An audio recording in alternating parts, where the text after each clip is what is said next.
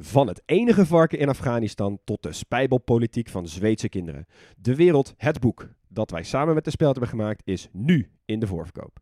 Het is de meest betrouwbare landengids der landengidsen. Het beste boek dat je nooit mag gebruiken bij je eindexamen. Ga naar grotepodcastlas.nl slash boek, bestel hem en dan heb je hem eind juni in huis. Voor je gaat luisteren, heel even dit. In de nieuwe podcast Veldheren neem ik, Jos de Groot, jou iedere donderdag mee voorbij de frontlijn in Oekraïne. Dat doe ik samen met generaals buiten dienst Peter van Um en Mart de Kruif. Zij hebben één duidelijk doel: aan jou uitleggen hoe oorlog werkt. Volg Veldheren in jouw favoriete podcast-app. Welkom bij de audioversie van de Atlas. Wij zijn drie geografen en in onze ogen is elk land de moeite waard. En hoe kunnen we zo'n land beter bespreken dan met gekke feitjes, mooie verhalen en kleine quizjes? Dit is de grote podcastlas.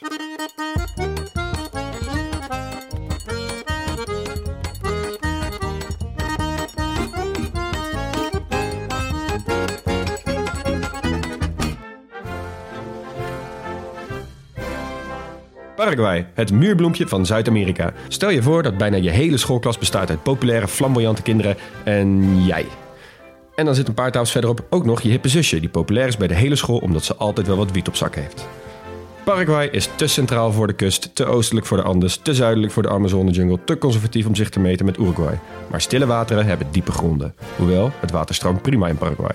Hoe dit land er verder uitziet, onderzoeken we in dit uur. Aan het einde van deze podcast beantwoorden, zoals jullie weten, drie vragen. Waar moeten we dit land verbellen als wij een probleem hebben? Wat gaan we missen als het ophoudt te bestaan? En wat zouden wij doen als we één dag in Paraguay zouden zijn? En we hebben weer één vriend van de show. Rinus Eigenraam. Dankjewel, Rinus. Welkom. Dank Hebben we eh, nog wat leuke reacties gekregen? Ja, we hebben echt een vet mooie van, eh, van Renzo van Nuland.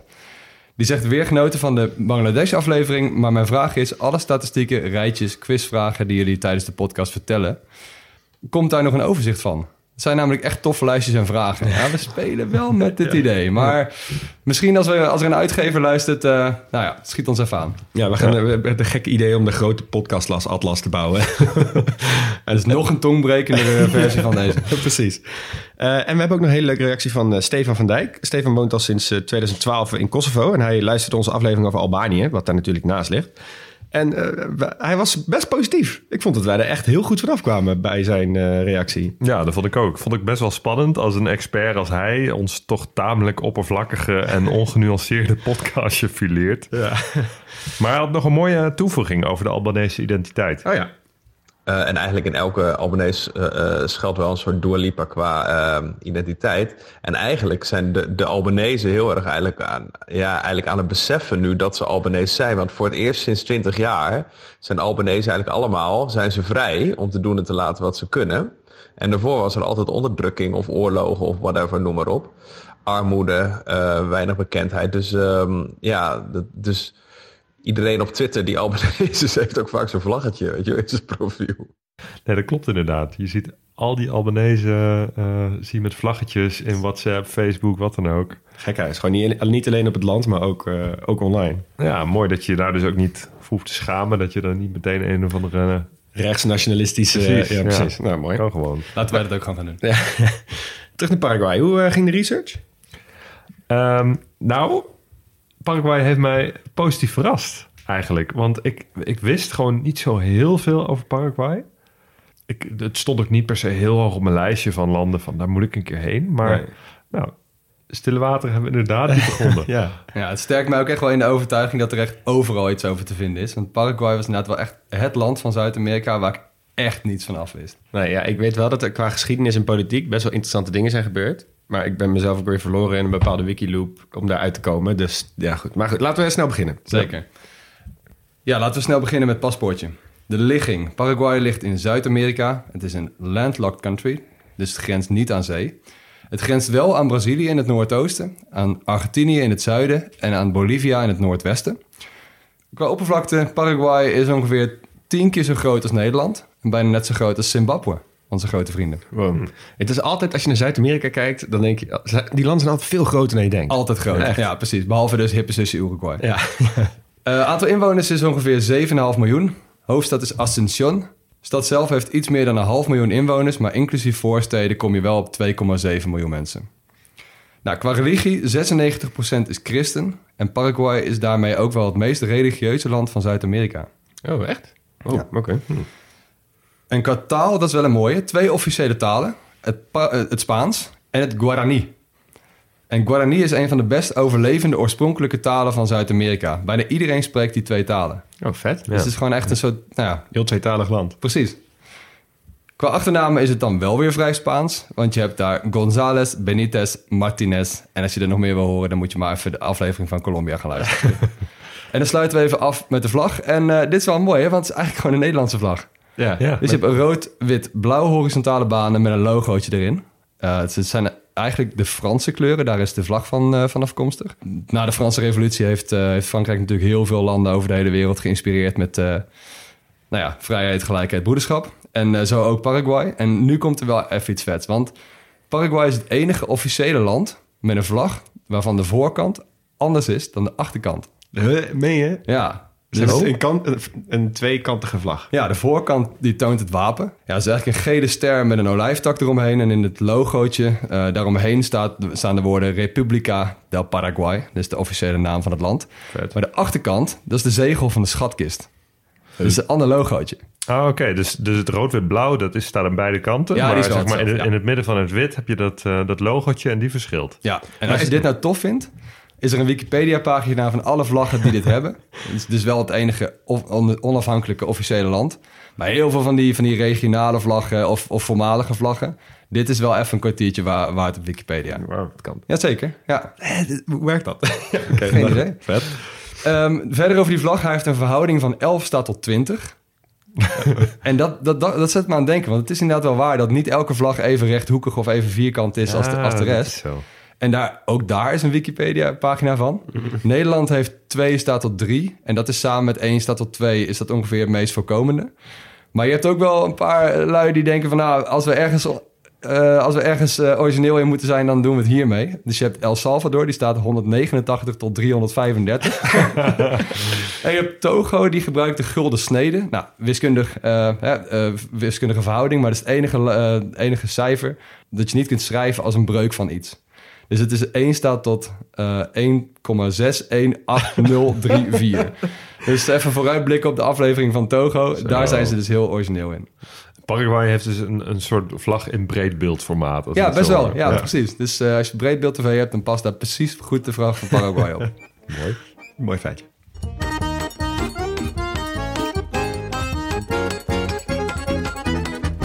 hey mannen, we gaan het even hebben over de bevolking van Paraguay. Wie wonen er nou precies in dat land? Nou, heb ik een korte versie voor je. Eh, de- dus de saaie versie. Het grootste deel van de mensen zijn mestizo. Dus ja, gemengd bloed tussen eh, oorspronkelijke bewoners en de Europese kolonialen. Er is steeds meer Europese bevolking naartoe gegaan. Die zijn uiteindelijk veel dominanter geworden... en daardoor is de grootste taal Spaans. Klaar. Ja, Maar nee, zeker niet. De oorspronkelijke bevolking, die Guarani, die zijn dus echt heel, heel succesvol in het behouden van hun eigen identiteit en hun taal. En hoe vet is het dat 94% van de bevolking de inheemse taal spreekt? Ja, hm. Stel je voor dat je, weet ik veel, eh, Nieuw-Zeeland, dat iedereen Maori zou spreken. ja, ja, Ja. dat is echt super vet zijn. De munteenheid is ook de Guarani, hè? Oh ja? Ja, dus, Ja, hier. dus ook zelfs daarin hebben ze... Ze hebben wel omarmd, zeg maar gewoon Ja. veel meer dan nou, heel veel andere landen in Zuid-Amerika. Ja, maar dat is wel redelijk recent, want het is niet altijd super hip geweest, niet heel chic, dat een beetje, werd een beetje op neergekeken, een beetje boers.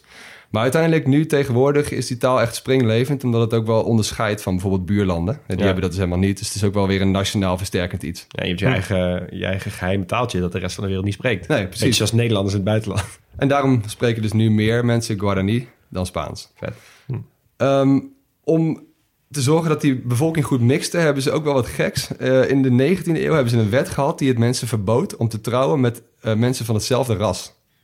Ja, Ja, Oh, omdat ze dat alleen maar wilden mixen. Ja, je mocht niet trouwen met iemand die gewoon van dezelfde afkomst als jij.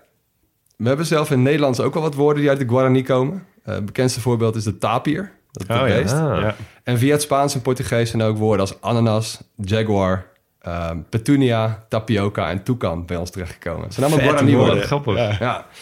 Nou, dan ga ik het nog even over een hele andere bevolkingsgroep hebben. En dat zijn de Mennonieten. Hebben we misschien ook wel wat over gezien. Ja, Dat, dat zijn eigenlijk gewoon doopsgezinden. Dat is een christelijke groep. Ehm komen wel uit Nederland, uit Duitsland, Polen, Oekraïne. Die, die kant. En die zijn nou, over de hele wereld verspreid geraakt. De bekendste vorm daarvan is de Amish. Oh ja, in, oké. in, in Pennsylvania heb je die veel wonen. En eh, sommige andere delen van Amerika. Ja. Maar die heb je dus ook in Zuid- Zuid-Amerika. en dus vooral in Paraguay. En die spreken dan ook weer een eigen taal. Plautdietsch. Dat is het Plat- Duits. Ja. Is een beetje een gekke, funky versie van het Oud-Nederlands. en het Neder- Oud-Nederduits, sorry. En dan loop je daar als toerist. Zat ik echt te bedenken. Want dan loop je daar als toerist, ga je naar Paraguay toe. En dan zie je ineens een Amish-wagen. met met zo'n hele grote familie. Waar je net niet mee kan communiceren. Nee, precies. Dus ehm, wat wel grappig is, die vrouwen die dragen dus ook gewoon nog steeds geen broeken. En, en ze hebben echt een super hoog geboortecijfer. En het is wel opvallend dat Paraguay dus ook alweer zo'n duikvlucht heeft genomen als het gaat om de, de, de demografische transitiemodel. Moet je nagaan hoe het had kunnen zijn als die Mennonieten daar niet had gewoond. Maar hoeveel, Ja, maar hoeveel precies. Mennonieten hebben we het nou over? Ja, het is best wel een grote groep. Van, nou, volgens mij meer dan er gaan een paar tientallen duizenden. Wow. Ehm, Maar ik heb wel even gekeken. Zij hebben dus wel op de demogra- demografische transitiemodel wel wat vooruitgang geboekt. Want in 1966 kregen zij gemiddeld 10,6 kind per vrouw. Wow, En in gemiddeld. 1996 gemiddeld nog 8,3. Dus ik ben heel benieuwd waar ze nu staan. Zo. Wow, maar het is nog steeds echt heel veel. 8,3. Ja. Het is echt veel. Ja, wauw. oké. Nou, als laatste even daarover. ehm, in 2017 en 2018 is er wel iets moois met Paraguay gebeurd. En zijn ze hoogst geëindigd op de Positive Experience Index. En is wat een index. die? Ja. Die niet gaat over dingen waar bijvoorbeeld Denemarken heel goed in is. Weet je, gewoon echt eh, mooi te meten dingen. Dus inkomensverschillen, rijkdom, dat soort dingen. Costa Rica, die altijd heel hoog eindigt op de Happy Planet Index en zo. Ja, maar daar dus ook wel redelijk op. Want ehm, ze zeggen daar zelf over, die, die index, die zegt... Latin Americans may not always rate themselves, their lives the best, like Nordic countries.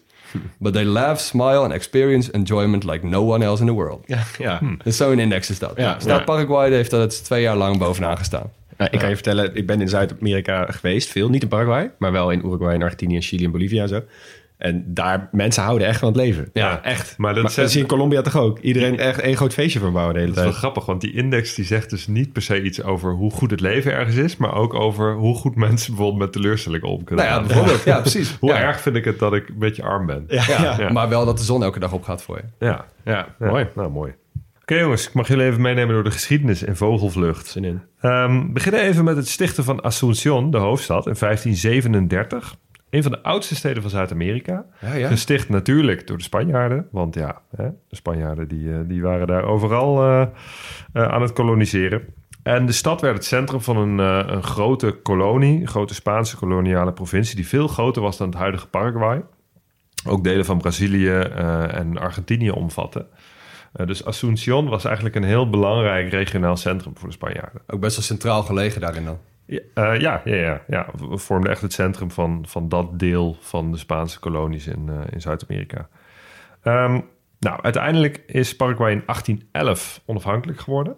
Dat is allemaal echt een stuk eerder hè, dan heel veel andere, andere landen ter wereld. In. Zuid-Amerika was het allemaal een beetje eh, begin Zuid-Amerika loopt 19e echt eeuw. voor op, eh, op Afrika bijvoorbeeld. Ja, precies. Want je ziet betreft. Sierra. Leone en Zimbabwe was allemaal rond Allemaal na de 1860. Tweede Wereldoorlog. En. India, Bangladesh ook eh, later. Ja, Sorry, 19- 1960. 1947. Ja, nee, Ja. precies. Ja. En die Zuid-Amerikaanse landen echt richting de 1830, 1831. ja, behalve Suriname. Goed, Behalve Suriname. Ja.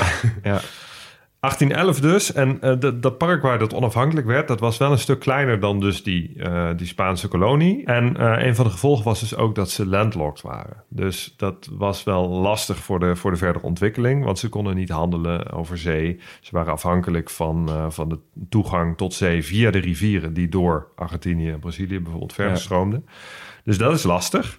Ehm, en degene die toen aan de macht kwam, dat was, komt ie, dictator supremo José Gaspar Rodríguez de Francia. Oké, goeie naam. Dan heb je al drie van die goede naam. achternamen van Ja. Bijgenaamd El Supremo, dus we gaan hem, eh, gaan hem zomaar noemen vanaf El nu. Supremo. Ehm, die eh, regeerde van 1814 tot 1840 en ehm, ehm, hij streefde naar autarkie, dus naar eh, onafhankelijkheid van, eh, van de landen om me heen. Door heel zelfvoorzienend te zijn, door de import en export eigenlijk totaal aan banden te leggen, door dat niet eens te proberen. Ja. Ehm, en hij, eh, hij geloofde ook in een, eh, in een hele egalitaire samenleving. Ehm, naar voorbeeld van, eh, van Rousseau, de Franse filosoof. Ja. En dat is wel interessant, want um, Maxia had het dus over, over het verbieden van huwelijken met mensen van hetzelfde ras. Dat is dus zijn beleid geweest. En het doel daarvan was eigenlijk om te voorkomen dat de koloniale elite de elite bleef. Dus die elite werd eigenlijk Oh, verplicht ja. om met bijvoorbeeld eh, de zwarte bevolking, de Indiaanse bevolking te trouwen en zich voor te planten. Oh, wat vet. En daardoor eh, is, is bijna iedereen in Paraguay nu dus ook mestizo Ja, eh, gemengd. Ja, oh ja. van, van inheems en Europees. Ehm, Oh, dat is echt precies het tegenovergestelde van wat je in heel veel andere landen hoort. Ja, ja, precies. klopt. Ja. Ja. Ja, ja, Maar dat was dus echt, echt als doel om dat, eh, nou ja, die, die, die kleine bovenlaag uit de koloniale tijd, om die een beetje in te perken. Hij ging ook in tegen de scheve eh, grondbezitverhoudingen. Ja. Ehm, heel veel grond was in de handen van de katholieke kerk eh, en van een, van een kleine, ja, kleine elite in de bevolking. Dat heeft hij tegengegaan. Ehm, wat alleen een beetje lastig was, kijk, eh, eh, volgens die filosofie eh, van Rousseau die die volgde, was, ehm, het, moest het volk heel eigengereid zijn. Was er een hele kleine overheid en moest het volk vooral de vrijheid hebben om, om zelf te doen wat ze willen. Behalve hun eigen eh huwelijkspartner uitzoeken. Ja, ik het zeggen, beh- behalve trouwen met je buurvrouw. En dat is maar het gevolg dus ook dat er was, was dat er eigenlijk een, bijna geen ambtenarenapparaat ontstond. Dat er, dat er eigenlijk geen eh, rechtsstaat was, geen echte democratie op gang kwam. Dus het land kon alleen maar geregeerd worden door dictators. Nou, en na zijn, eh, zijn dood kwam eh, zijn neefje aan de macht. Dat was de volgende. En ehm, ja, en die- daar, werd, daar werd het niet per se beter op. En zeker niet toen, toen een volgend familielid aan, aan de macht kwam. Want ehm, ja, die, die, die twee die regeerden hun land als het ware als een eh privé-domein. Ehm, en die vonden het ook eh, eh, steeds minder leuk eigenlijk dat Paraguay landlocked was. ja, daar heb je Ze hebben weinig een kanaal gegraven. nee, dat hebben ze niet verplaatst. hebben ze niet gedaan. Maar ehm, ja, ze waren die autarkie wel een beetje beu. En ze hebben een enorm eh, leger opgetuigd. En ehm, eh, begonnen eigenlijk eh, zich te verzetten tegen Argentinië, Brazilië en, eh, en Uruguay. De landen om hen heen die Paraguay scheiden van de oceaan. Nou, uiteindelijk leidde dat in 1865 tot het begin van de oorlog van de drievoudige alliantie. En die drievoudige alliantie die bestond uit Brazilië, Argentinië en Uruguay. Dus Paraguay zijn eentje tegen die drie. Oké, Nou, succes. je kunt bedenken hoe dat uitpakte. Het heeft nog vijf jaar geduurd, want Paraguay had dus een enorm leger opgetuigd. Maar uiteindelijk eh, hebben de Paraguayanen het onderspit gedolven. En het, het is eh, de ergste oorlog die Zuid-Amerika ooit heeft gekend. Ja, joh. Ja. Erg bedoel je erg? Als in qua doden? Qua aantal doden. Aan het begin van het conflict telde Paraguay ongeveer 525.000 inwoners. Aan het eind van het conflict was daar ongeveer de helft van over. Boy. Dus ruim 200.000. En waren er nog maar 28.000 mannen Paraguay. Joh. Ja. Zo, dan moet je bijna helemaal opnieuw beginnen. Ja. Niet allemaal door oorlogsgeweld, ook door, eh, door ziektes, et cetera, et cetera. En ehm, nou ja, dat, het resultaat van die oorlog was dus eigenlijk dat Paraguay nog steeds landlocked was en helemaal in puin lag. Dus de, de economische achteruitgang was enorm. Nou, uiteindelijk eh, nemen we even een sprongetje in de tijd. In ehm, eh, de jaren 30 van de 20ste eeuw eh, was Paraguay er weer een beetje bovenop. En eh dachten ze van, nou, dan gaan we eens even een nieuwe oorlog eh, uitvechten. dus wie kozen ze toen uit? Bolivia. Oh, ja, En wat was op. de inzet? Er lag een, een gebied eigenlijk tussen Bolivia en Paraguay in, waar beide landen aanspraak op maakten. Ehm, dat is Gran Chaco, heet dat gebied. Chaco, ja. En daarvan werd vermoed dat er olie onder de grond zat. En ja, dus eh, de, de jaren 30 van de 20e eeuw, echt het olietijdperk. Een goede begon- brandstof voor oorlog. Precies, eh, dus, dus daar was heel veel interesse in. En eh daar had ook wel een beetje een Nederlands tintje, want eh, Shell eh, had, eh, eh, was, was goede bondgenoot met Paraguay. En die eh, waren er veel aan gelegen dat Paraguay dat gebied in eh, handen kreeg. En aan de andere kant had je Standard Oil, Amerikaanse oliemaatschappij, die, eh, die in Bolivia al actief was. En nou, ja, die hoopte dat, eh, dat Bolivia die, eh, dat gebied zou eh, overwinnen. Eh, er zijn ook eigenlijk wel geruchten dat die bedrijven die oorlog hebben gevoed, al dan niet financieel. Proxyoorlog. Ja, inderdaad. Ja, precies. Het is niet helemaal, eh, niet helemaal hard te maken. Er is niet veel bewijs voor gevonden, maar toch wel, wel een interessant tintje. Ehm, Daar en zijn die wel oorlog, documenten ehm, ergens een laadje in ver- verdwenen... die nooit de dag hebben mogen zien als het aan Shell. En dan, nee, nee inderdaad, inderdaad. Nee. En die oorlog, die hebben ze wel gewonnen van Bolivia. Dus ja, inderdaad. Ja. Bolivia had net een, eh, ook een andere oorlog verloren hè, in- met, eh, met Chili, waardoor ze hun Ja. toegang tot de zee waren eh, verloren. Dus Bolivia was helemaal zuur. Ehm, maar Paraguay uiteindelijk ook, want olie zat er niet in de grond. Dus ehm, ja, dat gebied dat is nu, een- eh, behoort nu nog steeds toe aan Paraguay. Maar het is economisch eigenlijk van zeer beperkte waarde. Zo, joh. Ja. Overigens, die oorlog die was ook de inspiratie voor Hergé, de eh, Belgische striptekenaar, Ja. voor het Kuifje-album Het Gebroken Oor. Oké. Daarin werd, eh, werd oorlog eh, uitgevoerd eh, over het olierijke Gran Chapo. Zo, Kijk. lekker Subtiel. feitje. Subtiel. Ja. Ja. Nou, Hugo, dan neem ik hem even over bij jou. eh, bij, nou, wat ik toch wel vrij uit mag zeggen, ook weer een behoorlijk verschrikkelijke boef gaat zijn in dit verhaal. Dus als je je vertrouwen in de mensheid nog een beetje wil behouden, is het misschien goed om nu even door te spoelen naar na dit hoofdstukje, want dit wordt redelijk luguber. Heb je weer een schurk gevonden? Ja, man, deze vent. Maar goed. Alfredo Stroessner, eh, de dictator van Paraguay. Tussen 1954 en 1989 zat, was hij daar aan de macht. Dat is 45 jaar. Dus het langste dictatoriale regime van heel Zuid-Amerika. En hij was de zoon van een Duitse vader en kreeg de bijnaam El Rubio, oftewel de blonde. Wat ik heel raar vond, want ik kon foto's van hem vinden. Maar ja, omdat hij zo lang heeft geregeerd, was het alleen maar zwart-wit tot en met dat hij heel oud was. Dus ik weet eigenlijk niet zo goed hoe hij eruit zag toen hij jonger was. Maar goed. Ja, op zich, zijn achternaam. Ja, precies. Maar en daardoor was het niet alleen door zijn achternaam, maar ook eh, dat tijdens zijn regime werd Paraguay een behoorlijk populair vluchtoord voor nazi's. En, en eh, nou, ik denk dat we daar in een andere aflevering misschien Argentinië ook nog wel op terugkomen. Want daar zijn ook wel een paar mooie verhalen achter. Ja. Maar goed, maar eh, zijn eh, militaire dictatuur werd door het Westen best wel getolereerd. Omdat hij werd beschouwd als een bondgenoot tegen het communisme. Hè. De grote Koude Oorlog was het altijd, oké, zoveel mogelijk landjes vinden die niet communistisch willen zijn. En als je dan een soort dictator hebt die in ieder geval niet socialistisch is, dan vinden wij het wel best. Ja, of die overgehaald kan worden tot. Ja, precies. Maar ehm, het was dus eigenlijk best wel schunnig. Want Paraguay was eigenlijk een leidende deelnemer in iets dat heet Operatie Condor. En Operatie Condor, daar ga ik jullie even meenemen. Het is eigenlijk een soort campagne van staatsterreur en veiligheidsoperaties. Die werden uitgevoerd door alle mi- militaire dictaturen van die landen. Hè? Dus we hebben het nu over Chili, Argentinië, Bolivia, Uruguay, Brazilië en Paraguay. Oh, dan heb je dus gewoon een tijd gehad ook, dat er in die regio, dat elk land op dat moment een gewoon een junta had. Ja, precies. Ja, en de ene wat erger dan de ander natuurlijk. Maar wat dit zo eh, bijzonder maakt en ook weer zo schunnig maakt... is dat zij werden gesteund door de Verenigde Staten. In geld, in eh, praktijken. En met praktijken bedoel ik dus onderdrukkingspraktijken... martelpraktijken, dat soort dingen.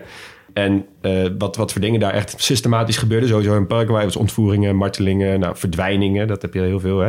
Eh, executies. Ehm, maar die had dus echt een één specifieke boef...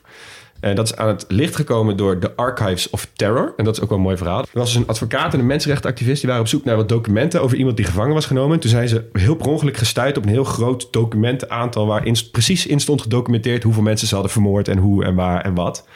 Eh, dat heet dus de Archives of Terror. Oftewel de Archivos del Terror. Ehm, en eh, zij hebben dus in die archieven hebben ze dus gevonden dat er 50.000 mensen werden vermoord. 30.000 mensen zijn verdwenen. En 400.000 mensen zijn vastgezet. En daarmee hebben ze dus. Er zijn allemaal dingen op gang gekomen. Allemaal rechtszaken tegen Pinochet bijvoorbeeld. En allemaal andere manieren om dat operatie Condor zo op te blazen en publiek te maken. En kijk wat hier allemaal is gebeurd. En de dingen die ze daarin hebben teruggevonden was eh, eh, een, een, een, nou, een boef. Je hebt altijd een soort rechterhand toch van een, eh, van een dictator. Zeg maar de Himmler en... Exact. Ja, de nou, Beria's en zo. Ja, exact. Nou, in eh, Paraguay was dat Pastor Coronel. Ehm, en hij was de, officieel het hoofd van afdeling onderzoek. Maar ja, eigenlijk was het gewoon de geheime politie. En wat hij deed, en nu moet je even oren dicht houden als je dit niet wil horen, maar het is echt luguber. Hij ondervroeg dus mensen in een pileta. Dat is een bad van menselijk braaksel en uitwerpselen. Eh, of wat hij deed, hij ramde elektrische veedrijvers bij mensen naar binnen. Eh, en sterker nog, in 1975 werd de secretaris van de Paraguayaanse Communistische Partij, Miguel Angel Soler, werd eh, levend kapot gezaagd met een kettingzaag, terwijl Stroesner aan de telefoon aan het luisteren was. Nee, joh. Ja. Hoe, Zo. hoe fucked up is dat? Ja, maar zeker omdat zo'n handlanger is vaak best wel machtig. En vaak zijn dat ook net niet precies, de mensen die dat echt daadwerkelijk zelf doen. die hebben daar nee. ook alweer mensen voor. Maar hij deed dat gewoon zelf. Ja, en, Ja. Dus, ja, en, en eh, ik weet niet precies zeker of hij het zelf gedaan, maar dit was in ieder geval, dit gebeurde door hem. Ja, en Stroessner hing, hing En aan de telefoon. hing aan de telefoon. Dat is is ook... vrij idioot. Ja. Eh, maar wat ze daarmee dus deden, is dan hadden ze dus het geschreeuw van die gemartelde mensen, werd dus dan opgenomen en toegestuurd naar die mensen die ze hierna wilden pakken. Van, joh, geef je nou maar gewoon over, anders gebeurt dit ook met jou. Of Hmm. er werden de bebloede kleding naar de, van de mensen die ze hadden vermoord, werd naar de huis van de familie gestuurd. Allemaal dat soort shit. Yo. Ja, eh, niet best dus. Ehm, nou, hij heeft ook nog echt, een, moet ik ook nog even noemen, hij heeft echt nog een gigantische mensenrechten schendingen begaan tegen de Aceh-Indianen. Daar heeft hij gewoon bijna volledig uitgeroeid. Eh, want zij wilden niet verplaatsen wat het Paraguayaanse leger wel moest. En toen hebben ze dus ongeveer de hele, eh, de hele Aceh-populatie uitgegroeid. Er waren nog maar een paar honderd in leven. En deze genocide is dus, is bekend, is dus gefinancierd met Amerikaanse hulp. Dus again, we gaan later denk ik nog een keer goed in op Operation Condor. Want de CIA zit hier dus helemaal diep in. Maar het is echt bizar wat daarmee is gebeurd. Ja. Zo, ik wist het ook helemaal niet, joh. Nee. Ja, jij hoort wel eens dingen toch van de CIA met dictators in het... eh, Ja, dat wel. Maar goed, je weet het over een paar Centraal-Amerikaanse landen. En ik wist op zich ook wel dat ze in Zuid-Amerika best wel in veel landen op die manier hè, redelijk, Chili nou en ja, Argentinië zijn berucht eh, natuurlijk. redelijk ja. gezor- gezorgd hebben dat ze alles werden behalve communistisch natuurlijk. Maar dit is wel echt een verhaal wat wel echt nieuw is voor me. Ja, Ja. ja, echt vrij ziek. Ehm, maar hij, eh Stroessner hebben ze toen, werd toen in 1989 uiteindelijk door een militaire staatsgreep ook eh, omvergeworpen. Dat was natuurlijk in de tijd dat het communisme niet meer echt een gevaar was. Dus Nee. ook veel minder Dus steun van de Amerika. steun van CIA viel weg. Precies, exact. En ehm, eh, volgens mij is er toen ook nog... Er zijn allemaal dingen gebeurd, komen later allemaal een keer Is stukken gezaagd? Nee, dat niet. Hij is naar Brazilië gevlucht. Zonde. Toen kreeg hij daar gewoon asiel. Daar is hij uiteindelijk overleden. ehm, eh, terwijl hij helemaal niet, nooit is eh, berecht voor zijn daden en dat soort dingen. Zo. Dus eh, ja, niet een heel vrolijk verhaal, maar wel even goed om te weten dat deze boever was dus.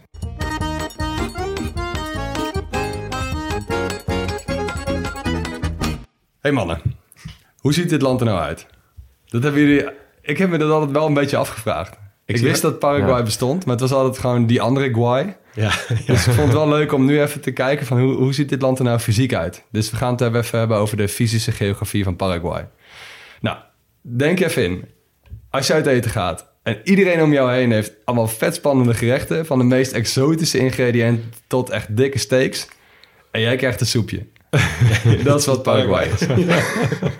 Oh jee. Kregen we net zo'n rant als over Denemarken? qua Nee, nee, nee, nee, nee, want er is wel echt iets over te vinden. Dus dat, eh, nou ja, Denemarken natuurlijk ook wel. Maar nee, goed, die, de omliggende landen hebben dus de Pampas, weet je, het regenwoud. Je hebt echt dikke bergen in de Andes. En, en Paraguay heeft gewoon niet zulke hele chille kaarten gedeeld gekregen. Dus even een kleine schets van het land. Ehm, het is een redelijk langwerpig land. Het smalste deel ligt in het midden. En aan de uiteinden wordt het weer steeds breder. Dus denk even een soort zandloper, maar dan een beetje gedraaid. Dus het, de grootste delen zijn ook het noordwesten en het zuidoosten. Oh ja. En het land is gesplitst door de rivier de, de Paraguay.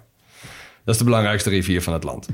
De oostkant van die rivier, daar woont iedereen. Dus daar ligt ook Asunción, de hoofdstad. En nou, die regio die noemen we de Paranenia-regio. En dat is ook het zwaartepunt qua economie. Ook de hoogste berg ligt daar, de Cerro Perro. 842 meter. Oh, toch Ja. nog? Ja, maar goed, daar lachen die Bolivianen toch ook wel om, toch? Ja, natuurlijk. Ik denk dat die, Bo- die Bolivianen ook wel lachen om eh, die eh, olieloze Gran Chaco, die Paraguay. Ja, precies. Nou ja, daar, ga, en daar gaan we het nu over hebben, want dat is dus het, het westelijke deel, de. Gran Chaco. Ehm, dat is wel het grootste deel van het land, maar daar wonen maar 5% van de mensen. En ehm, als je daar nou op inzoomt, en eh, ik heb dat dus wel even gedaan, meestal doe ik dat wel even gewoon Google Maps eh, en dan gewoon satellite aanzetten en kijken wat je maar tegenkomt. En dan zie je hier dus een grote lappendeken van allemaal rechthoeken. Het is Oh, vet lijp om te zien. Is dat gewoon een soort eh, farming of zo? Of is dat een, Dat dacht ik. Ik dacht van, nou, chill boerenland, prima. Gewoon cattle ranches, weet je wel, wat je in sommige Amerikaanse staten ook wel hebt. Maar het is gewoon een soort 400 bij 400 kilometer onherbergzaam ge- gebied. Waar eigenlijk bijna dus niemand woont. Behalve een paar Zuid-Amerikaanse Amish. Nou, leuk. Maar dit was dus allemaal bos, ooit. En Paraguay is tussen 1975 en 2005 is 90% van hun regenwoud kwijtgeraakt. Wow. Zo. Wow. Het is ook echt een van de landen met de grootste ontbossingsratio's. Dus ehm, nou ja, het zal je niet verbazen met dit soort cijfers. En nu is ook, er is ook heel veel droogbos en dat gaat er ook allemaal aan. Nou, je kunt hier dus wel bijvoorbeeld heel veel eh veeteelt houden. Paraguay produceert mega veel vlees. En ze produceren bijvoorbeeld ook veel soja. Ze zijn de zesde, procent, eh, zesde producent ter wereld van soja. Oh, ja. Ja. Nou, even om verwarring te voorkomen, voor eens en altijd. Soja verbouwen is niet per se slecht. Maar soja verbouwen in, in, in de wereld van nu gaat bijna allemaal naar veevoer. Ja. Ja. Dus soja aan zich is niet zo'n probleem. Sterker nog, het is best wel een oplossing. Ja. Tenzij het is allemaal gewoon via Ja. koeien en iedereen zijn eten gaat stappen. Precies, ja. Best wel inefficiënt. Maar goed, dat, gaan, eh, dat, gaan ze, dat doen ze daar allemaal. En ehm, er wordt ook heel veel hout gekapt, gewoon puur voor het hout. Hè, dus eh, nou, bruikbaar. En er zijn ook wel geruchten dat het heel interessant is voor aankomende biobrandstoffen. Dus dat gaat ook nog wel harder in de toekomst. Oh ja, Ja, dus eh, Costa Rica, als je luistert. Ja, ik weet waar je moet zoeken. Precies. Ja, een beetje vergelijkbare problematiek als Brazilië wat dat betreft. Ja, precies. Ja. Nou, Max, ehm, economisch gezien, eh, in- je hebt al wat genoemd over de landbouw, inderdaad. Dus de soja-industrie is heel, eh, heel dominant. Ehm, wat nog een nadeel daarvan is voor de, voor de Paraguayaanse economie, is dat die soja-industrie vooral in handen is van buitenlandse bedrijven. Dus daar houden de Paraguayanen Eh, zelf niet zo winst die heel vloeit van over.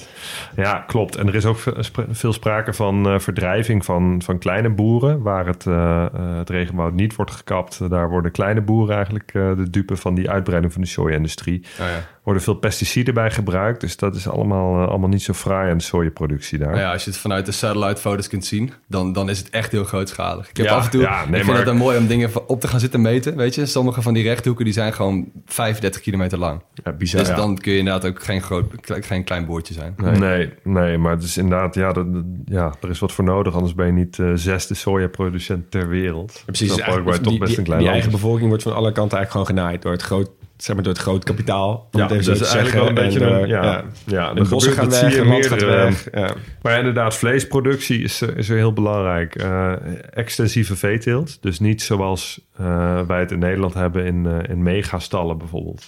Nee, maar echt op hele ehm, uitgebreide ranches. Dus waar, waar beesten heel veel ruimte hebben eigenlijk om te lopen. Dus nou, eigenlijk in die zin een hele biologische manier van, eh, van veehouderij. Maar daardoor kost het wel enorm veel grond. Ja. Ja. heb je dus heel veel land nodig om, eh, om op die manier eh, ja, je, je, je vee te houden.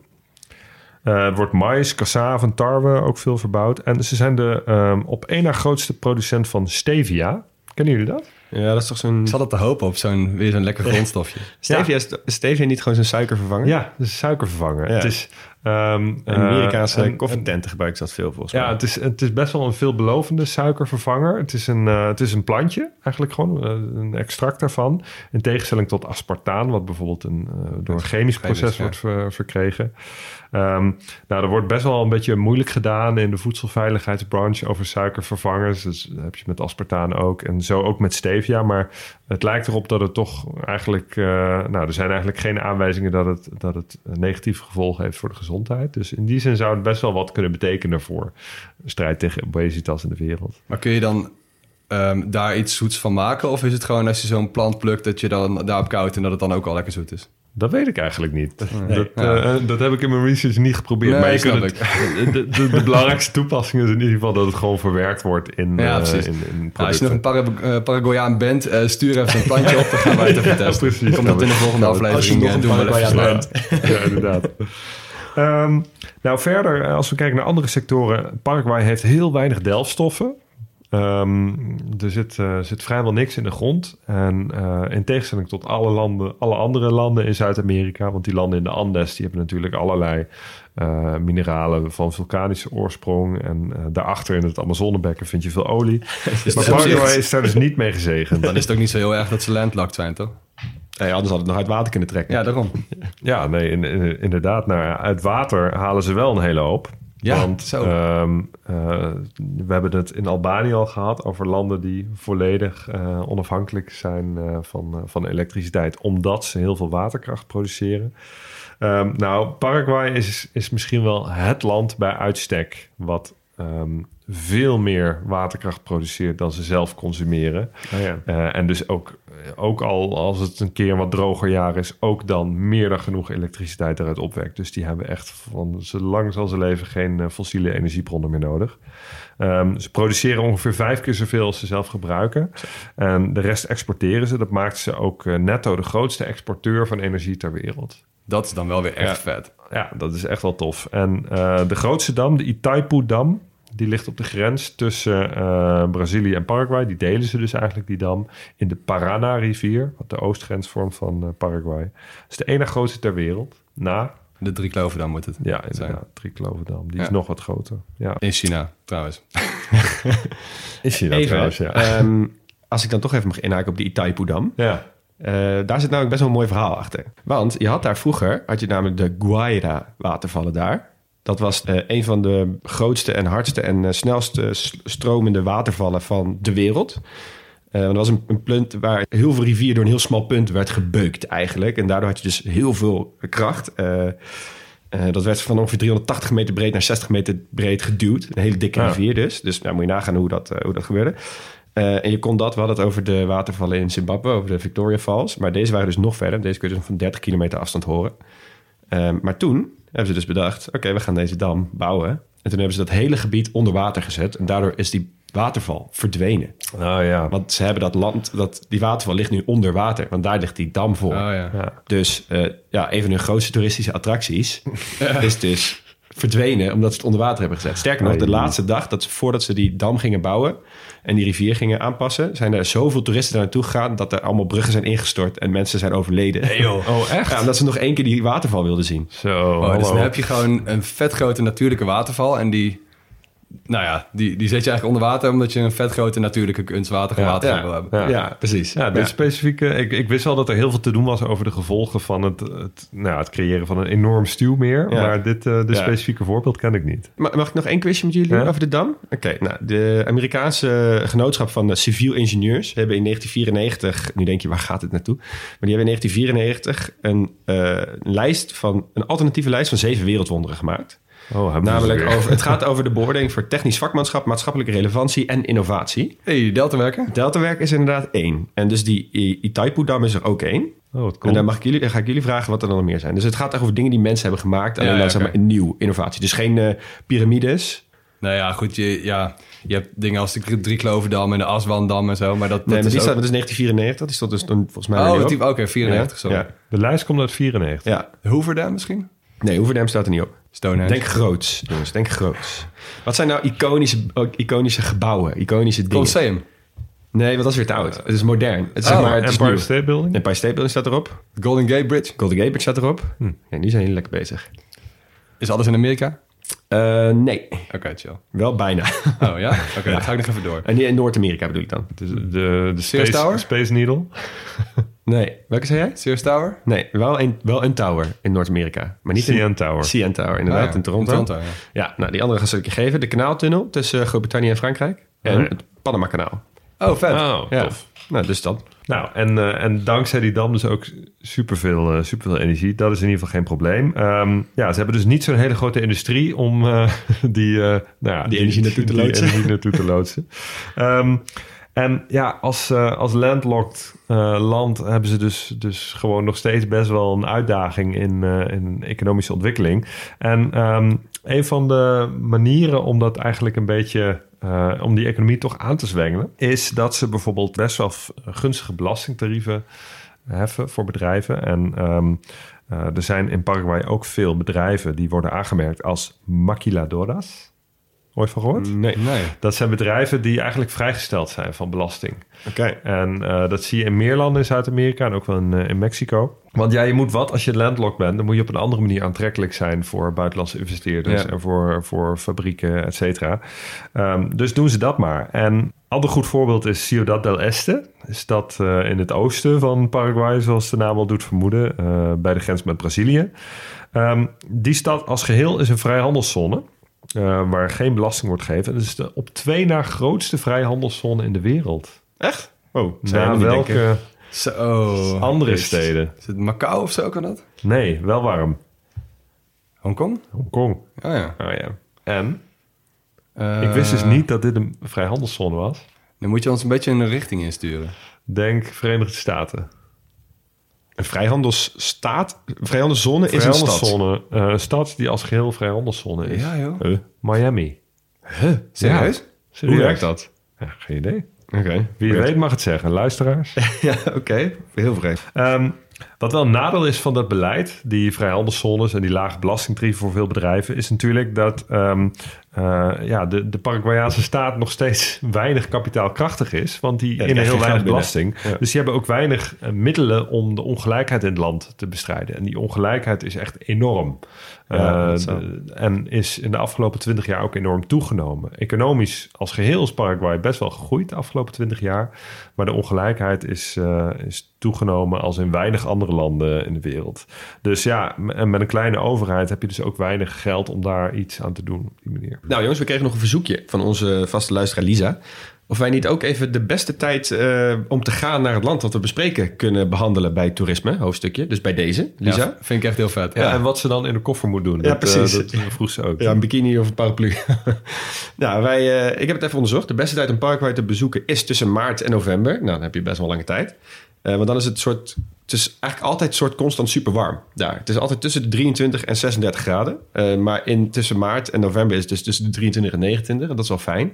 Want de rest van de tijd is het eigenlijk gewoon best wel pokken warm daar. Dan is het gewoon dus tussen de 32 en 36 graden. Ja, ze hebben ook geen, geen hoogteverschil natuurlijk. Nee, het is het geen is- bergen waar je heen kunt om te koelen. Of Nee. kust. En het is ook eh, natter dan, toch? Of niet? Nee, ze hebben niet echt een, ze hebben niet echt een regenseizoen of Nee? zo. Nee. Het is niet de land of the six seasons zoals Nee, eh, Bangladesh. Nee, precies. Het is gewoon de hele tijd heel erg warm. Oké. Je hebt zeg maar twee smaken, heet en extreem heet. Nou, Gaan er dan veel mensen heen? eh, nee. het is het derde minst bezochte land van Zuid-Amerika. Oh, fuck. Quizje. Ja, ze- noem maar. Eh, Ik denk Guyana. Ja, klopt. Suriname? Dat klopt ook.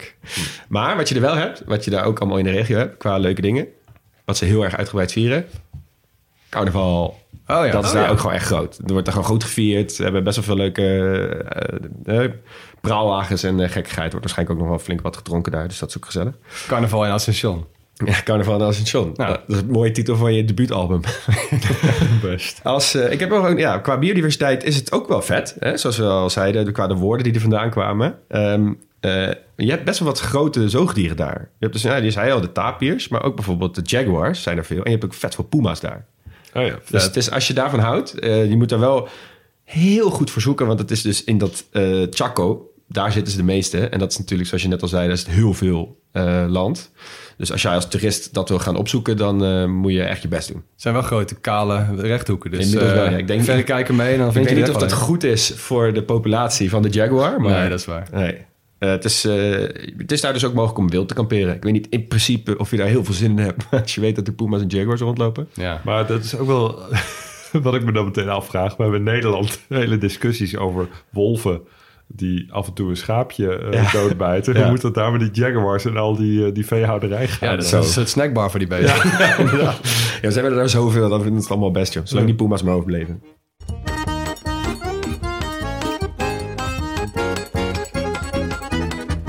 Oké, mannen. Eh, hoofdstukje kunst, media, eh, eigenlijk wat eh, gewoon volksmaak. Laten we, laten we het zo even noemen.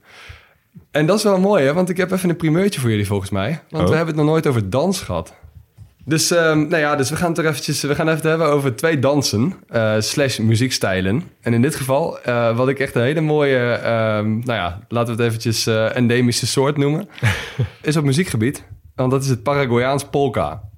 Oh, mooie alliteratie ook. Ja, het is geïnspireerd door de Tsjechische en Poolse versie. eh, helemaal ontwikkeld tot een nieuwe stijl. En eh, laten we er maar even naar gaan luisteren. Heel graag. Ik wil dit horen.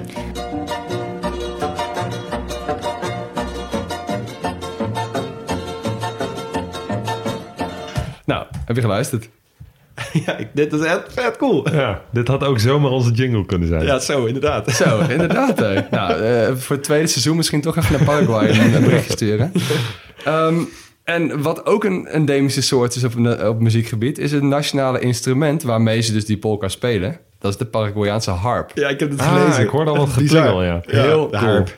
En de harp die is wel ietsje anders dan de Europese harp. Hij is vooral veel lichter, want hij moest ook echt mee op, op reis. Het was gewoon, ja, je hebt heel veel rondtrekkende bands, heel, heel veel muziekgroepen. Die namen allemaal zijn harp mee, dus deze moet een stuk, een stuk kleiner zijn. Eh, dus hij is een, stuk- een stuk kleiner en lichter dan de Europese. Ehm, je moet dit niet te kort luisteren, want ja, het is wel gewoon cool. Ja. We moeten ook niet te lang luisteren. Dan word je helemaal kriegel. Ja, dat denk ik ook. Maar hoe bizar is het als je daar in Paraguay bent... en je hebt een lokaal bandje wat zichzelf aan het uitsloven is voor je... terwijl je lekker aan tafeltje wat te eten... en dan komt er een harp tevoorschijn. Ja, en er, er hoort ben ook best wel een leuk dans bij. Eh, het, is, het is een soort volksdans. Dus je hebt eh, nou, veel vrouwen in hele grote brede rokken... en mannen die een beetje een soort... Nou, het is het eh, cowboy outfit, heel onderbiedig gezegd. Maar die, eh, die draaien heel synchroon draaien ze rond met een kruik op hun hoofd. Dat Oh, is eh, onderdeel van, eh, van, van de dans. Ja, cultuur. Ehm, en dan gaan we even door naar een andere dans. En dit is wel een specifieke dans. En dit is de flesdans. De Paraguayan bottle dance. Oké. En het is weer een dans met fles op het hoofd. En ik heb eh, even gekeken waar dit vandaan komt. En nou, het komt waarschijnlijk van de polka. Maar het Wikipedia-artikel zegt... The origin of bottle dance remains unclear. dus ja, dan, dan, dan houdt mijn onderzoek ook op. Sorry. Dus ehm, het deed mij... Ik heb heel veel filmpjes gezien. Want dit is ook wel echt iets... Daar blijf je heel lang naar kijken. En het deed mij een beetje aan als van... Nou, we hebben die polka-dans. En dit is gewoon een beetje een soort van vrijdagmiddagversie van... Oh, oké, de twee versie. Ja, ja. Maar eh, ik heb ze echt gezien tot aan 15 flessen op het hoofd. Wow. Allemaal wijnflessen op elkaar gestapeld. Dus mensen moeten die ook echt met een ladder erop zetten. Nee joh. Deze vrouwen hebben, en dat zijn voor- voornamelijk vrouwen, echt een krankzinnig evenwicht. Het is Dit is- echt heel vet. Maar dit is een prima vermaak ook. Ik zie dit ook wel voor me hoe je dan zeg maar op een, eh, een zwoele zomeravond... eh, terwijl die gast met die harp aan de ene kant van de tafel... als je aan de andere kant naar kijkt hoe, weet ik veel... een aantal vrouwen flessen Ja, maar- op elkaars hoofd aan het staan. ja, ik zou graag even een middagje op het terras gaan zitten ja, met ik te ook. kijken. Nou, Asunción. Ja, maar toch eigenlijk niet als het altijd maar lukt, hè? Dan moet het ook af en toe misgaan. Ja, dat is waar. Ja, maar, ja, maar die spanning alleen daar al, is het niet al genoeg? Ja, misschien wel. Ja. De record staat trouwens op 18 flessen tegelijk. Wow, maar wat zijn dit gewoon glazen flessen? Ja, gewoon formaatje wijngla- wijnflessen. Knettergek. Dus eh, nogmaals, Ja. Ben of ken je een Paraguayaan? Vertel even waarom dit de shit is. Oké, dan de eetgewoonte. Ehm, als je naar Paraguay gaat, kun je maar beter niet vegetarisch eten. Ai. En ook niet veganistisch. Want ehm, eh, eh, ze eten gewoon ontzettend veel vlees. Want dat is er veel voorradig. En eh, barbecue is ook echt een ding. We hadden het eerder in Australië al erover. Dat, dat Ja. barbecue veel meer is dan een bereidingswijze van voedsel. Maar veel meer een, een sociaal evenement. Nou, dat Ja. is in Paraguay niet anders. De asado wordt dat daar Asado, genoemd. ja. In Uruguay noemen ze het ook asado. Ja, in Argentinië ook geloof ik. Maar dat, is, Ehm, dat is hun naam voor barbecue. Ja, dat is, dat is net, een- ja, ja, dat is net als dat ze het in, in Zuid-Afrika Braai noemen. braai Ja. Ja, precies. Dus de barbecue en het feestje eromheen eigenlijk. Dat is, dat is de asado. Vet. Ehm, ja, en als je geen vlees eet, dan eh, eten ze veel producten waar kaas en ei en melk in zit verwerkt. Dus, eh, eh, Die het soja is, niet voor eigen, eigen eh, nee, die is inderdaad voor veevoer. Het is heel veel dierlijke eiwit eh, Ja. in, het, eh, in het dieet. Dus ben je Ehm, een vegetariër of een veganist, eh, zorg dan altijd dat je gewoon een stuk cassave bij hebt. ja, precies. Ehm, wat ze bijvoorbeeld maken zijn chipa. Dat zijn eh, hartige koekjes, kaaskoekjes van cassave of, of maismeel. Ehm, dat, is, dat is echt een nationaal koekje. En het nationale gerecht, dat heet sopa Paraguay. Soep. Nee, het is geen soep. het, het is een soort cake. Ehm, maar dan een hartige cake met kaas, ei, melk en, eh, en maismeel. Oké. En ehm, het, het lijkt een beetje op cornbread. Dan Oh, niet, ja, ja, ja. niet wat wij maisbrood noemen, maar Eh, wat in de Verenigde Staten ook wel wordt, ge- wordt gemaakt. Zo is ook altijd wel een grote correlatie, toch? Tussen waar je heel veel eh, vee hebt Ja, en waar je heel veel mais verbouwt. Ja. Ja, ja, zeker. Ja, dat is inderdaad, eh, kan, kan daar goed. Ehm, dat over eten. Ik wil het even over drinken hebben. Want wat oorspronkelijk uit Paraguay komt, is mate. Oh ja. Yerba mate. Eh, ja, precies. En, en, en mate, dat wordt in, eh, in heel zuidelijk Zuid-Amerika gedronken. Ehm, Paraguay was ook ooit de grootste producent van, eh, van mate. Ja, dat is logisch als het oorspronkelijk vandaan Ja. komt. Maar goed, dat, dat waren ze tot op een significant moment in de geschiedenis. Ehm, het mate is eigenlijk een soort thee. Ik denk dat je daar het beste mee kan vergelijken. Waarbij ehm, eh, takjes en blaadjes van een plantje worden gedroogd boven een houtvuur. En vervolgens worden ze ondergedompeld in heet, niet kokend water. Het onderscheidt zich van Ja. thee in dat er, dat er warm water op gaat, maar zeker geen kokend water. Nou, maar het is, het is niet alleen dat. Het is een hele cultuur. Ja, het is, het is het is echt iedereen loopt met, met, met zo'n ding over straat. Ja, het is echt, ja, we hebben het net over dat Uruguay soort van het zusje van Paraguay is. Maar Ja. in dit geval zeker. Want in Uruguay loopt iedereen met... dus in de ene hand hebben ze dan zo'n specifieke soort bol. Ja. Zo'n beetje zo'n nou, rond bolletje met Ja, zo'n hele zijn, eh, gekke... het zijn uitgeholde kale bassen. Ah, ze traditioneel Oh, ja. in drinken. Dus dat, dat gebruiken ze als soort van beker. Ja. In Zimbabwe gebruikten ze die uitgeholde eh eh, kalebassen als soort van... eh, ehm, Muziekinstrumenten. Muziek, ja, Ja. nee, versterker waar ze Oh, dan ja, een muziekinstrument. Dus die dingen zijn overal goed voor. En je giet Dus er wat, maat in. Maar dan inderdaad met zo'n rietje, toch? Ja, zo'n specifiek rietje waarmee je dus die bladeren zuivert als het Ah, ware. ja. Want je, je, je, hele, je moet voor, voorstellen dat je uitgerolde kale bas. Aan de ene kant, de ene helft, heb je al die blaadjes zitten. En aan de andere helft heb je ruimte voor dat water. Dus die heb je in je handen met zo'n rietje erin. En onder je arm draag je dan zo'n thermosfles met heet water. Joh. Zodat je Iedereen. de hele dag een beetje kan bijvullen. Ja, als je Ja. in de bus staat, in de trein, je loopt op straat, je staat in een winkel. Overal staat er iedereen met gewoon zo'n, in Uruguay dan tenminste, met zo'n, zo'n fles onder zijn arm. Ja. Maar matte drinken is ook, ook weer een so- een soort sociale activiteit. Mensen ja. komen Ja. echt samen om samen matte te drinken. In Paraguay, dat is eh, het warmste land waar het gedronken wordt. Want het, het, het wordt vooral gedronken in Argentinië en Uruguay. Landen die Ja. iets zuidelijker liggen en daar dus kouder zijn. Eh, daar wordt het vaak koud gedronken. Dus daar, Ah, ehm, eh, en dan heet het ook geen matte, maar dan wordt het terere genoemd. Oké. Dus in Paraguay zullen ze het vooral kennen onder eh, terere. Ja. Zit er niet ook eh, best wel veel cafeïne in? Of heb ik dat Ja. helemaal zelf verzonnen? ja, zeker. Ja. Ja. Nee, stuit het alle kanten op. Al die buschauffeurs daar ook, iedereen echt Ja. op zijn ding. Ja. eh, Want Club neus. in Ne-. Nederland heb je natuurlijk ook best wel... Dat, ja, het is een Duits, eh, Duits drankje geloof ik, een soort frisdrank. Maar ja, er zit ook gewoon vet veel Ja, cafeïne er in. zit een stuk meer cafeïne in dan in thee bijvoorbeeld. Goede branding, want de, mensen noemen dat ook wel de, de natuurlijke Red Bull. Ja. Ah, Maar ja, er is ja. natuurlijk nog steeds wel veel cafeïne. Ja, ja, ja. Ja, tegenwoordig wordt het vooral in, eh, in Brazilië verbouwd en in Argentinië. Maar ook, eh, ook Paraguay zelf is nog wel eh, een producent van het plantje waar het van wordt Ah, ja. getrokken. Vet. Ja. Persoonlijk favorietje? Hoofdstuk sport. We beginnen even traditioneel met het medailleklassement. Wat denken jullie? Oeh, ik geloof niet dat Paraguay zo'n groot sportland is. Nee, maar ik zou me ook verbaasd zijn als ze nog nooit een medaille hebben gewonnen. Zal ik hem gewoon verklappen? Zal ik dan zeggen dat ze nog nooit een medaille hebben gewonnen? Ja, is goed. En dan zeg ik eh, eh, één of hoger. Ja, dan heeft Max net gewonnen, want ze hebben één medaille gescoord. ze hebben namelijk alleen zilver gewonnen bij het mannenvoetbal in 2004. Toen verloren ze in de Oh. finale, of verloren ze de finale van eh, Argentinië. En dat Oh, wist mooie ik tegenstander. notabene. Oh, wist je dit? Ja, want ik heb die pot gekeken. Ah. Want mijn jeugdheld Edgar Barreto speelde in die Ja, wedstrijd... ja. tegen het Argentinië van Lionel Messi. Ja. Dat waren de onder 23 elftallen. hè? Ja. ja. Maar eh, ja, ik heb die wedstrijd gezien. En die speelt nog steeds. En ik weet wel ook wie eh, daar op goal stond.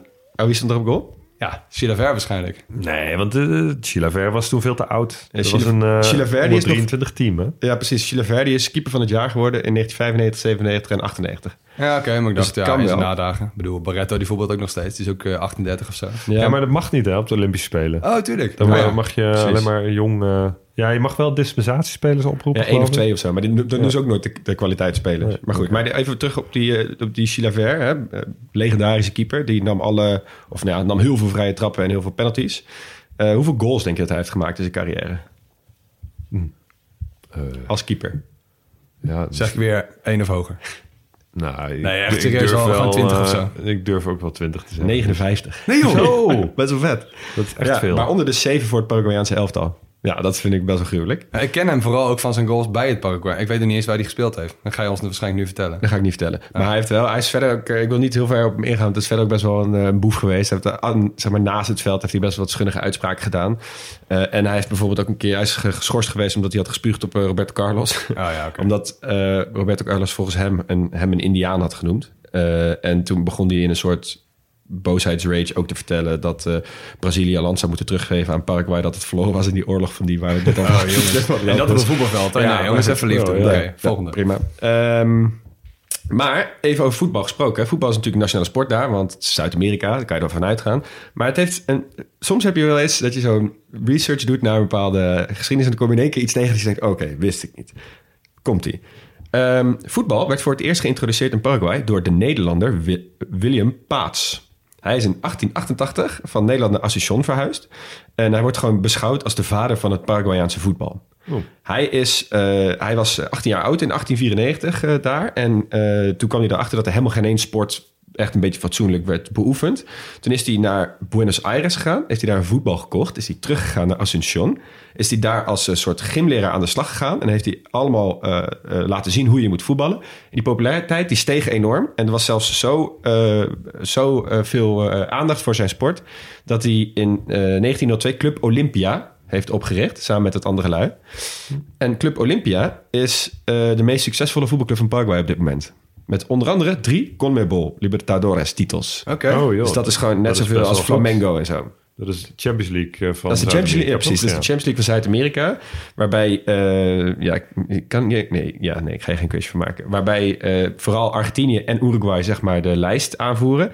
Maar daarna staat Paraguay evenveel als alle eh, clubs uit Brazilië, zeg maar. De, de clubs uit Brazilië die het meeste hebben gehaald, hebben ook drie titels gehaald. Net als Olympia. Oh, cool. Ja, maar Brazi- of Paraguay is ook op eh, internationaal toneel met het, het landteam, ja, los dus van de Olympische Spelen, zijn ze ook, eh, ook bij de senioren best wel succesvol. Ja, ze staan natuurlijk altijd in, het, eh, in de schaduw van hun buurlanden. Ja, Ja, vooral ze- ze landen als Uruguay, die bijna ja. geen inwoners hebben natuurlijk. Maar op Precies. zich, het is best een goed, goed sportland. Ja, Ja. Nee, zeker. Be- Behalve dus in de Olympische Spelen. Eh, en er, was nog, er is nog een ander bijzonder verhaal over een voetballer in het land. Namelijk in maart 2020 was onze grote vriend Ronaldinho in het land... om campagne te voeren voor kansarme ja. kinderen. Oh, dat ging niet goed, hè? Eh, dat is niet goed. Nee. Hij was daar met zijn broer en toen werd hij opgepakt... omdat zijn broer blijkbaar eh, ehm, Vals paspoort, toch? vals paspoort had. Ja. En toen dachten ze, oké, en hij zegt, hij blijft volhouden dat hij niet wist dat ze nep waren. Zijn broer zegt dat ook, maar ze weten, hè, ze hebben altijd hun onschuld vastgehouden. En dat was best wel bizar, want hij heeft dus vijf maanden in de gevangenis gezeten in Paraguay. En daarvan heeft hij dus daarin heeft hij dus ook zijn 40ste verjaardag eh, gevierd. Oh, en zijn, Ronaldinho of zijn broer. Nee, Ronaldinho Oh ja, en zijn broer samen. Maar Ja. ze hebben dus de eerste tijd hebben ze dus in hun, eh, in, met z'n tweeën in de gevangenis gezeten. Er zijn dus allemaal beelden dat ze dus aan het voetvolleyen zijn met allemaal van die inmates daar. Met allemaal van die gevangenen. Het is best wel vet. Zit je ineens met Ronaldinho in de gevangenis. Oh, ik, ik stel me een Paraguayaanse gevangenis iets Maar- anders nee, voor. klopt, maar... dat was dus... Eerst zat hij dus in een best wel hoog... eh eerst zat hij best wel zwaar bewaakte gevangenis. Maar daarna hebben ze hem verplaatst naar een, een ziek resort en een ziek hotel. En daar heeft hij dan de rest van zijn tijd eh, gezeten nadat hij wat geld had betaald. En eh, toen, eh, vijf maanden later, was hij weer vrij.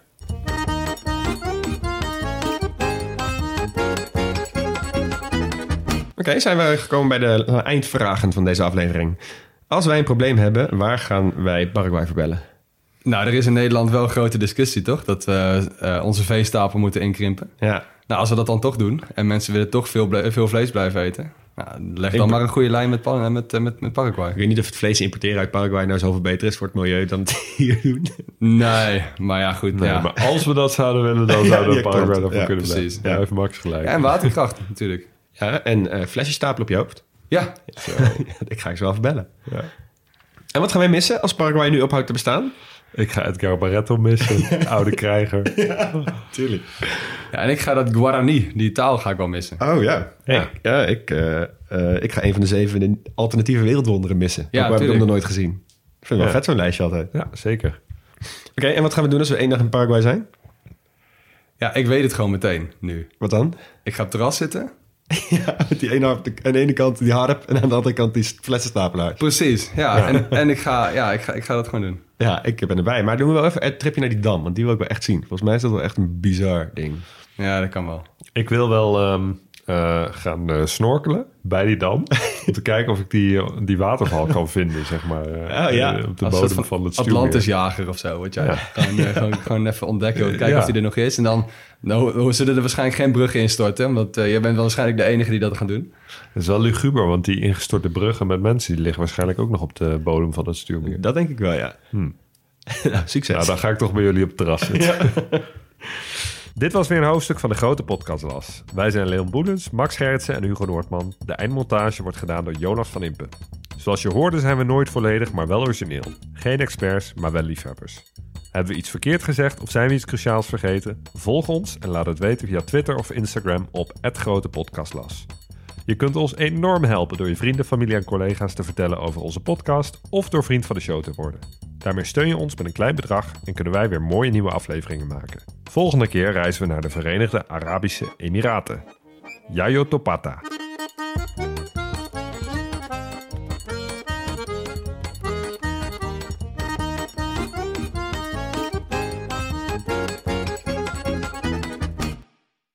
Luisteraar, luister je nog steeds? Klasse man, je hebt er gewoon helemaal afgeluisterd. Nou, nu je tot hier bent gekomen, koop dan ook gelijk even ons boek hè. grotepodcastlas.nl slash boek.